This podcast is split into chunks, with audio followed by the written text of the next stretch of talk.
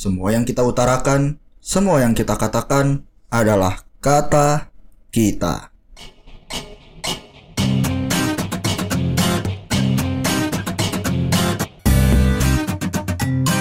Ya, halo semuanya.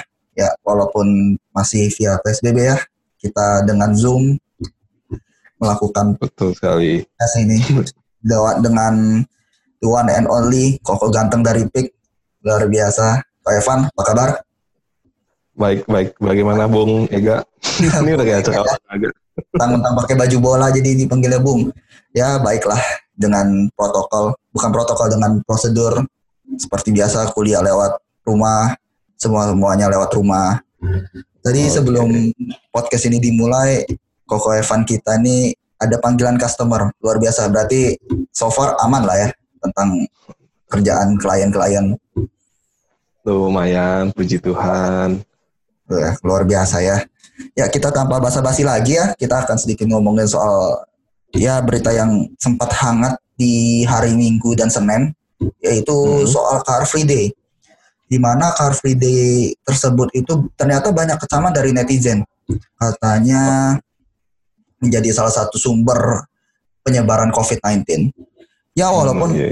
walaupun kalau kita baca berita, kalau kita baca berita dari media itu kita lihat bahwa ada sebenarnya ada protokol, ada rapid testnya di situ dan kabarnya ada lima yang reaktif.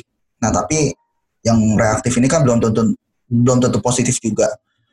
Hmm, Nah, hmm. ini permasalahan yang kita pengen tekankan ini soal kritikan dari netizen.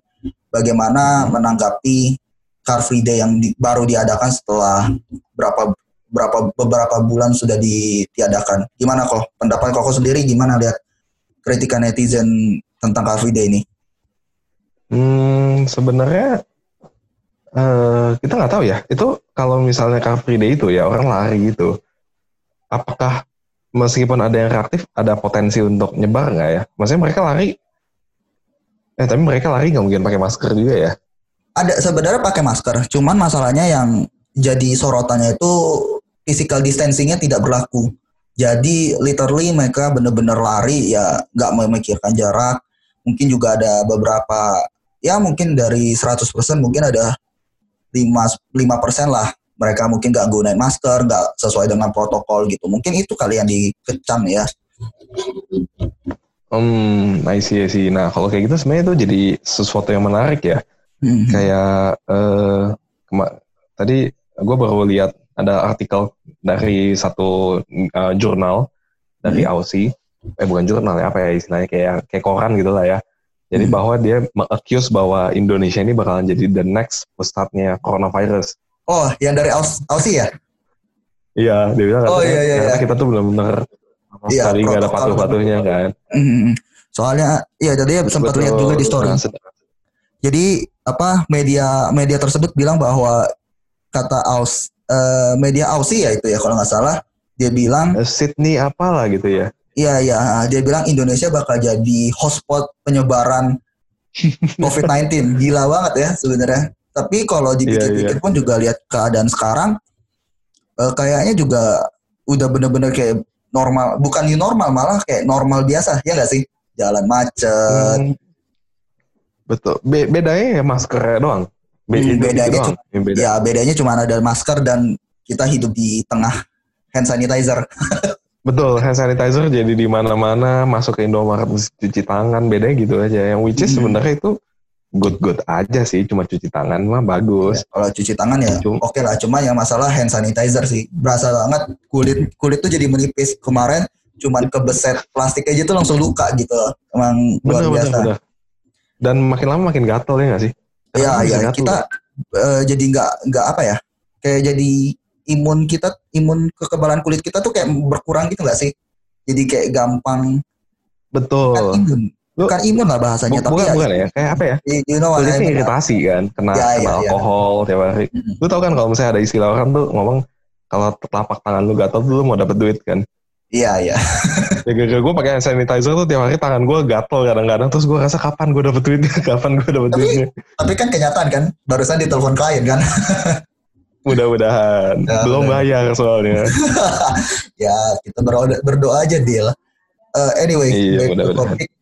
eh, sebenarnya apa sih untuk ke depannya? Berarti kan minggu depan ini pasti masih ada Car Free Day karena so far di media belum ada berita berita apa-apa ya. Berarti otomatis bakal lanjut. Saran dari Korevan sendiri, menurut Koko apa yang harus dilakukan pemerintah untuk menjaga Car Free Day ini bukan jadi salah satu penyebaran COVID-19 gitu?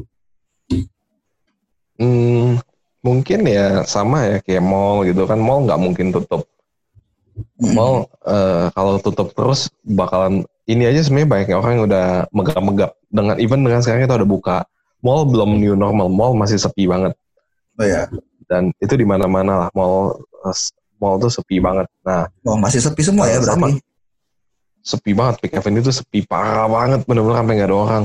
Ya which is bagus untuk tidak menyebarkan virus tapi bad banget buat bisnis kan ya ya ya ini bakal jadi inflasi gede-gedean sih walaupun sebenarnya malah justru lebih lebih beresiko kalau kita buka mall tapi tidak ada perputaran ekonomi gitu loh jadi kan kita keluarin keluarin untuk bayar biaya listrik segala macam hmm, tapi betul. tidak ada pemasukannya yang untuk nutupin pengeluaran gitu justru itu kan lebih riskan tapi betul, justru betul. yang yang aku tekanin di sini sebenarnya kan uh, di CFD itu kan ada rapid test. Kemarin kalau kita lihat beritanya nih 600 orang hmm. yang ikut rapid test dan lima orang yang reaktif. Nah sebenarnya hmm. apa nggak cukup dengan adanya uh, tes corona ini di Car Free Day sehingga netizen itu malah semakin ngehujat gitu loh. Itu yang aku pengen sebenarnya penasaran aja gitu.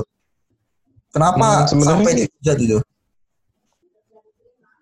Um, ya kalau netizen hujat mah itu mah biasa ya semua hal yeah, jadi yeah. hujat sama netizen netizen yeah, yeah. maha benar kan mungkin cuma maksudnya memang uh, di CFD itu memang harus ada regulasinya. Either kita bikin line lari hmm. itu harus ada jaraknya atau misalnya jumlah dalam satu area misalnya Car Free Day Sudirman. Cuma boleh berapa ribu orang. Jadi more than that itu udah kita plug kita tutup. Yeah. ya itu sebenarnya cuma technical aja lah. Technical issue aja gimana cara kita nanganin itu supaya nggak terlalu padat. Dan kita nggak bisa sama sekali bilang uh, penyebarannya akan zero. Itu itu take years itu akan akan makan waktu bertahun-tahun sampai benar-benar zero. Bahkan DBD sampai hari ini pun nggak zero loh. Ya betul.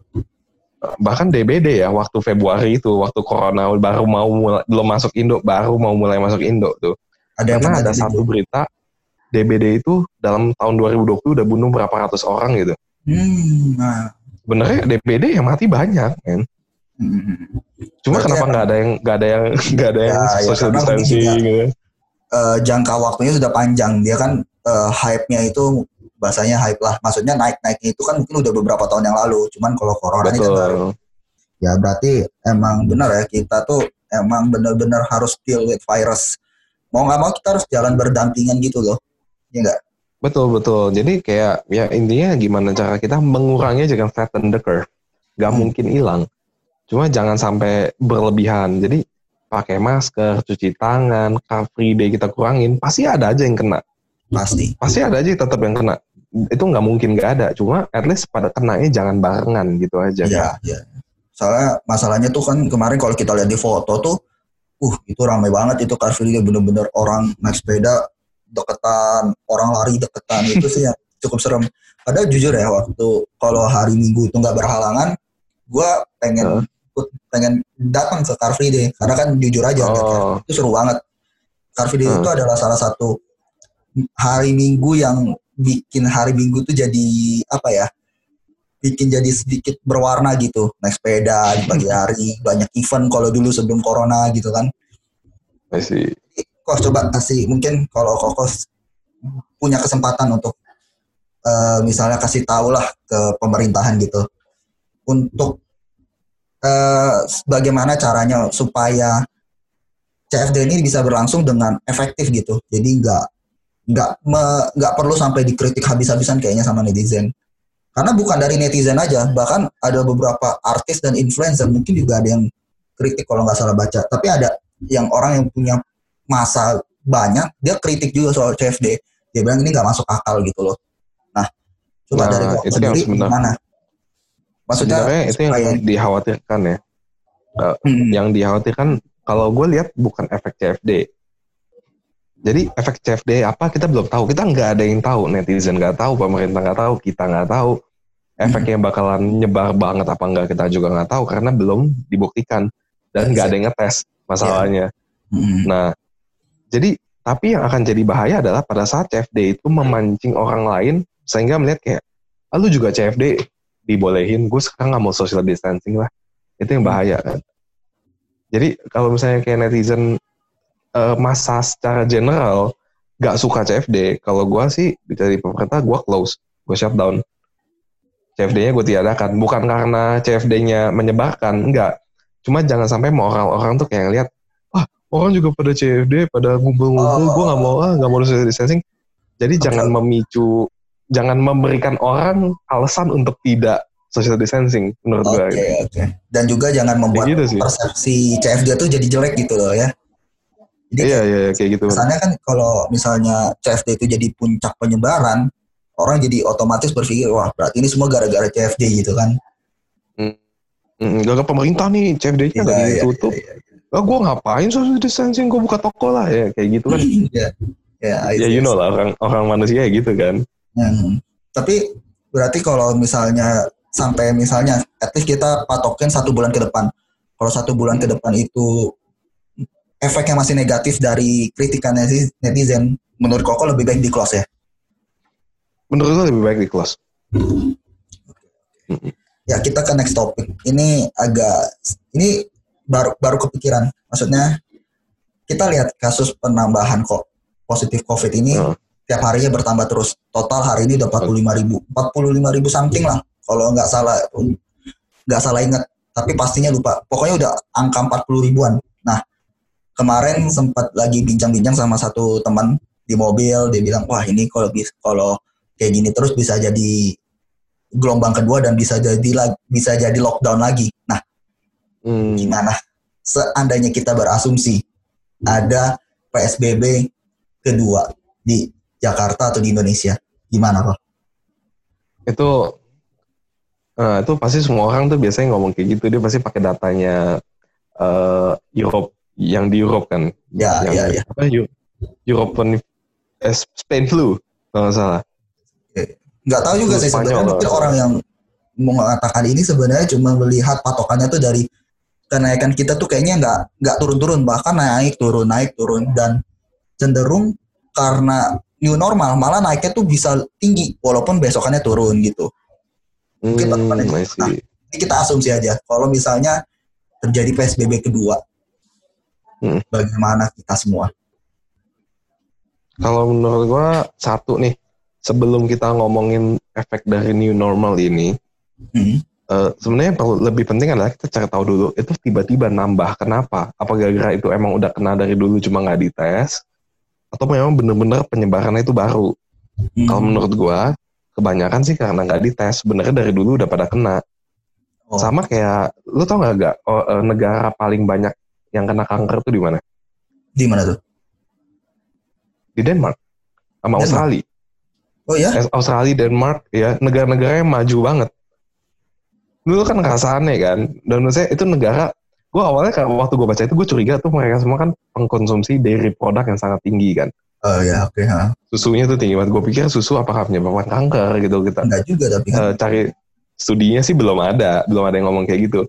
Tapi eh, dia kalau misalnya menurut stu- ada satu studi yang bilang bahwa sebenarnya alasan kenapa Australia, New Zealand, Denmark, negara-negara yang kayak gitu tuh kanker tinggi Mhm. karena mereka lah yang hampir semua orang tuh kalau ada masalah dia langsung ke dokter. Jadi ketahuan. Oh, Jadi bukan berarti orang kayak Indonesia, Vietnam, terus Thailand itu misalnya yang negara yang mungkin Asia Tenggara gitu ya. Bukan yang berarti kita nggak ada kanker tinggi, nggak mungkin kanker kita lebih tinggi. Cuma orang yang meninggal terus nggak ngecek, meninggalnya nggak tahu kenapa, itu banyak. oh, oke oke oke. Berarti Sama. intinya karena, Heeh. karena kita tuh takut ngecek gitu loh. Kalau orang Indonesia Karena ya. kita, iya nggak mau keluar duit buat ngecek dan kita tuh cenderung meremehkan kan kayak sakit perut misalnya orang yang biasanya amit-amit kanker lambung gitu. Mungkin dia mikirnya ah gue mah doang lah, gue nggak usah Ah, cek iya. tiba-tiba Hmm. meninggal dan dia pas, pas dia meninggal dibilang mah padahal mungkin kanker gitu kan kita nggak tahu kalau di luar negeri kan wah ada masalah apa langsung cek Sama kayak kayak sini tiba-tiba naik ini kenapa bu? Apakah benar-benar baru tiba-tiba naik atau emang dari dulu udah lama ada gitu. cuma baru ngecek doang ya kan? Eh, Oh berarti emang karena orang tuh sebenarnya mungkin terjangkitnya udah lama, tapi dia tuh baru ngecek ngeceknya sekarang makanya baru kelihatannya sekarang ya. Iya dan gue nggak tahu sih gue gue benar-benar belum baca jelas soal studinya coronavirus itu sifatnya gimana. Tapi ada yang nggak tahu apakah kita udah kena sekali kayak flu biasa deh. Kita Hmm. kena oh kebetulan daya tahan kita ke tubuh kita lagi kuat nggak apa-apa.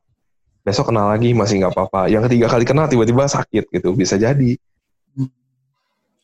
Ini cukup. Bisa jadi kita semua 200 juta orang ini udah pernah kena at least satu kali. Tapi kebetulan kita lagi mas eh, lagi dalam kondisi yang fit, ya kita nggak sakit. Bisa jadi gitu. Ya kita semoga berasum, eh, berdoa lah, jangan sampai asumsi kita barusan terjadi, karena bakal fakta banget kalau sampai ada PSBB kedua ya. eh mungkin kayaknya topiknya nggak banyak. Walaupun kayaknya soalnya yang paling gue tunggu tuh sebenarnya kabar dari mall. Karena kan justru ketakutan gue itu waktu dengar kabar, wah mall buka, wah shit man, ini bakal benar-benar chaos banget. Tapi ternyata barusan kok bilang sendiri, ternyata sepi. Dan emang gue juga pantau berita juga dari media belum banyak ngeberitain soal mall. Jadi ya kita berharap aja lah semoga nggak ada PSBB kedua, nggak ada. Iya, ya benar-benar. penurun ada penurunan lah. At least kita nggak berharap langsung blok nol tapi ya setidaknya kasus ini bisa per- berangsur turun gitu loh. Karena Betul. jujur aja ya semakin ke sini teori konspirasi semakin banyak. Benar gak sih? Betul, betul, makin banyak. Iya soalnya bahkan sampai ada yang bilang bahwa apa ya Disney punya karakter itu ternyata meramalkan corona. Yang nama istananya istananya corona itu kan aneh banget gitu loh Kok kalau corona itu artinya kan mahkota. Iya, makanya karena kan Jadi kalau istana Eh, iya, iya, iya, iya, iya. istana kalau namanya mahkota kayaknya bukan karena Iya, coronanya, karena ya Exactly. maksudnya nyambung aja gitu. ya tapi ya itulah justru karena semakin ke sini kan apa virus ini kan Disambung-sambungin. ya disambung-sambungin dan jadi teori konspirasi dan nggak sedikit orang yang nggak percaya eh, yang nggak sedikit orang yang percaya dan banyak yang percaya dengan karakter dis apa ya karakter apa sih? Lupa itu. Pernah dengar aja gitu. Ya, ini ini menarik sih sebenarnya kalau kita bahas teori konspirasi. Cuman ini bakal panjang dan kayaknya bakal absurd juga gitu. Oke eh, oh sebagai terakhir deh karena ini juga baru. Sebenarnya anyway guys sebenarnya kita udah buat satu podcast sebelumnya. Tapi karena kita ingin beritanya lebih relevan jadi kita retake ulang dan emang kebenaran juga jadwalin sama Koko ganteng dari PIK ini luar biasa susah banget. Sibuk kan maksudnya. Ya lah. maaf, lagi sibuk.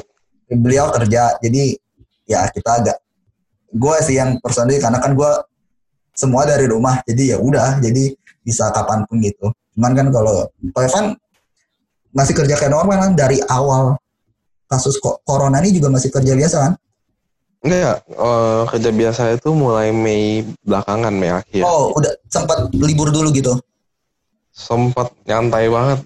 Se- Oh. Sekitar dua bulan kali ada gue di rumah ya. itu, itu gimana tuh selama dua bulan tuh gimana keadaan kantor Sepi, sepi. sepi Dua banget bulan, eh, dua bulan pas PSBB itu, eh, problemnya adalah orang tuh nggak mau dateng kan. hmm. Sebagian orang yang udah ngebet itu masih ada yang beli, tapi sedikit karena karena orang cenderung mau lihat dulu. oh dia mau lihat unitnya dulu mau lihat unitnya dulu. Kalau misalnya belum lihat, oh, kan kan mahal soalnya ya. iya sih Rumah bukan itu- barang bukan kayak Kalau kita sepeda beli baju, cintai. Salah beli ya udahlah satu biji doang kan paling berapa kui peceng gitu. Kalau misalnya rumah kan salah Iya. beli men satu miliar dua miliar mungkin gitu. toleransi orang untuk memaklumi kalau salah beli itu mungkin ya sekitar sampai 10 jutaan ke, ke bawah kali ya 10 juta di bawah 10 Iya jutaan masih oke lah ya. tapi Oh, sekarang udah kayaknya kelihatannya sih kayaknya kita nggak perlu nanya ini kelihatannya udah mulai membaik gitu klien barusan telepon malam-malam Iya, gara-gara ini lu tau nggak gara-gara apa? Gara-gara itu sepedaan loh. Orang kan orang lagi rame banget yang viral sepeda di Ya, Golf ya, Island ya. kan. ini menarik kita bahas gue juga sampai Heeh. bonyok gua sampai minta beli dua sepeda bayangin Buat ke Golf Island. baru Atau mau di sekitar rumah lu? Eh, jadi gini, jadi kan kita udah udah lama dari dua bulan lalu pengen bilang, ayo beli sepeda lipat yuk, lagi musim nih, pengen olahraga Oh. juga. Kebenaran banyak gua tuh suka olahraga setiap minggu. Mereka ke Ancol, jalan la- jalan pagi, nyokap gue ikut senam gitu-gitu. Oh. Nah, di Ancol itu juga ada Hotman Paris anyway. Heeh. Kita nggak mau ngomong Hotman Parisnya. Nah, karena lihat ada musim sepeda lipat pengen beli, tapi kan karena corona kita nggak berani dan juga nggak tahu aksesnya mau ke mana kalau lagi kayak lagi kayak gini. Akhirnya udah, udah, dalam singkat perdebatan belilah satu sepeda, satu sepeda Hmm. kecil gitu lah. Tapi oke, gue bawa oke, bonyok juga bawa oke. Selang seminggu beli lagi satu. Karena Ayo. karena pikirnya gini, kalau misalnya gua bawa satu, otomatis mereka nggak bisa pakai. Atau misalnya kalau mereka mau pergi berdua, ya mereka bisa pakai dua-duaan langsung gitu loh. Betul, betul. Nah sementara gua mau ngomong nih soal tren sepeda nih. Kenapa orang jadi kayaknya ngebet-ngebetan banget untuk naik sepeda? Padahal itu cuman awalnya kalau nggak salah himbauan dari Jokowi nggak sih kita harus sering-sering naik sepeda. Kalau nggak salah ya. Hmm. Yang yang waktu Pak Jokowi bagi-bagi sepeda itu maksudnya. ya. Iya sih, kayaknya sih gitu ya. Tapi itu kayak udah lama deh, kayak bukan karena itu deh. Itu udah lama banget soalnya. Iya, tapi awalnya kenapa? Justru kan kalau kita pikir-pikir pakai logika, sebenarnya resiko kita naik sepeda itu akan jauh lebih tinggi. Satu, jalanan kita nggak nggak memadai. Hmm. Barusan gue naik sepeda, hampir diserempet mobil, gue inget banget tuh. itu gila cuy. Kok bayangin kok, gue jalan di pinggir kiri, dia bisa ngebut di, Hah? sam- di, sam- di bagian kiri dan bener-bener mepet ke gue. Kan Oh. nalarnya tuh nggak nggak nyampe gue bawa mobil dengan cara kayak gitu. Itu kan udahlah itu Iya. masalah pribadi. Nah satu masalah jalanan kita, kedua itu kan lebih riskan untuk penyebaran corona nggak sih? Kalau kita orang awam lah ya, Hmm. Itu jadi gimana ya? Kita naik sepeda tuh malah justru eh, tidak mengamankan kita dari virus gitu. Hmm. Atau justru malah orang cuma mikir oh yang penting gua olahraga, yang penting gua naik sepeda gitu. Gue sih nggak tahu sih. Kalau gue sih masih sampai sekarang gue gue masih lebih yakin bahwa eh maksudnya naik sepeda tuh nggak mungkin orang tua kan.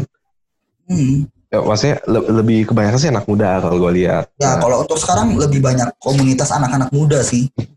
at least sampai sicap lah maksimal. Ada sih Ya. kongko, ya paling sicap gocap. Gocap udah paling tua dah, 50 Ya, ya, tahun. ya, ya, ya.